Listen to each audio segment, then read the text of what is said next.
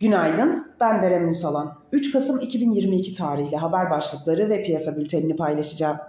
Bloomberg anketinde tüketici fiyatlarının Ekim ayında %85.60 oranında arttığı öngörülürken, ekonomistler baz etkisinin devreye girmesiyle bu seviyenin enflasyonun tepe noktası olacağı görüşünde. Fed 75 bas puan faiz artırdı.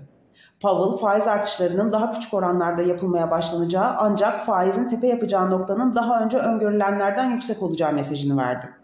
Bank of England 75 bas puan ile 33 yılın en yüksek faiz artışının gerçekleştirmesi bekleniyor.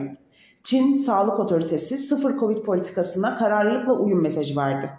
Dün yükselen dolar bugün itibariyle Fed'in patikası için işaret verecek ABD istihdam verilerine odaklandı. Piyasalara genel olarak bakacak olursak pay piyasalarında Powell faiz artırımlarını duraklatmayı tartışmak için erken olduğunu ve Fed faizin nihai seviyenin beklenenden daha yüksek bir seviyede olacağı mesajını verdi. Her ne kadar Powell faiz artış hızının önümüzdeki toplantılarda hızının yavaşlayabileceğini işaret etse de faiz artırım sürecinin beklenenden daha uzun süreceğine işaret ettiği için riskten kaçış tekrar güç kazandı. Borsa İstanbul beklenti üzeri gelen bilanço açıklamaları ile yükseliş trendini devam ettiriyor. Borsa İstanbul 30 endeksinde yer alan şirketlerin bilanço açıklamaları büyük oranda tamamlanana kadar güçlü bilanço açıklamaları ve beklentileriyle yükseliş trendinin korunması beklenir.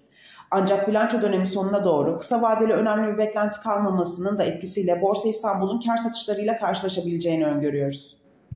Bugün yurt içinde açıklanacak Ekim ayı tüfe enflasyonunun aylık %3.62 artış göstermesi beklenirken şeker yatırım olarak bizim tahminimiz %3.80 artış yönündedir. Yurt dışında ise 75 bas puanlık faiz artışı ile faiz artışına devam etmesi beklenen İngiltere Merkez Bankası faiz kararı takip edilecek. Borsa İstanbul kapanışına göre ABD ve Almanya vadelileri sabah saatlerinde %0.8 ila %2.4 arasında değişen düşüşlerle seyrediyor. Asya borsalarında negatif ağırlıklı karışık bir seyir var. Teknik analiz verilerine bakacak olursak gün içinde 4040 ve altına gerileme trade amaçlı alım fırsatı, 4133 ve üzerine yükseliş ise trade amaçlı satış fırsatı olarak takip edilebilir.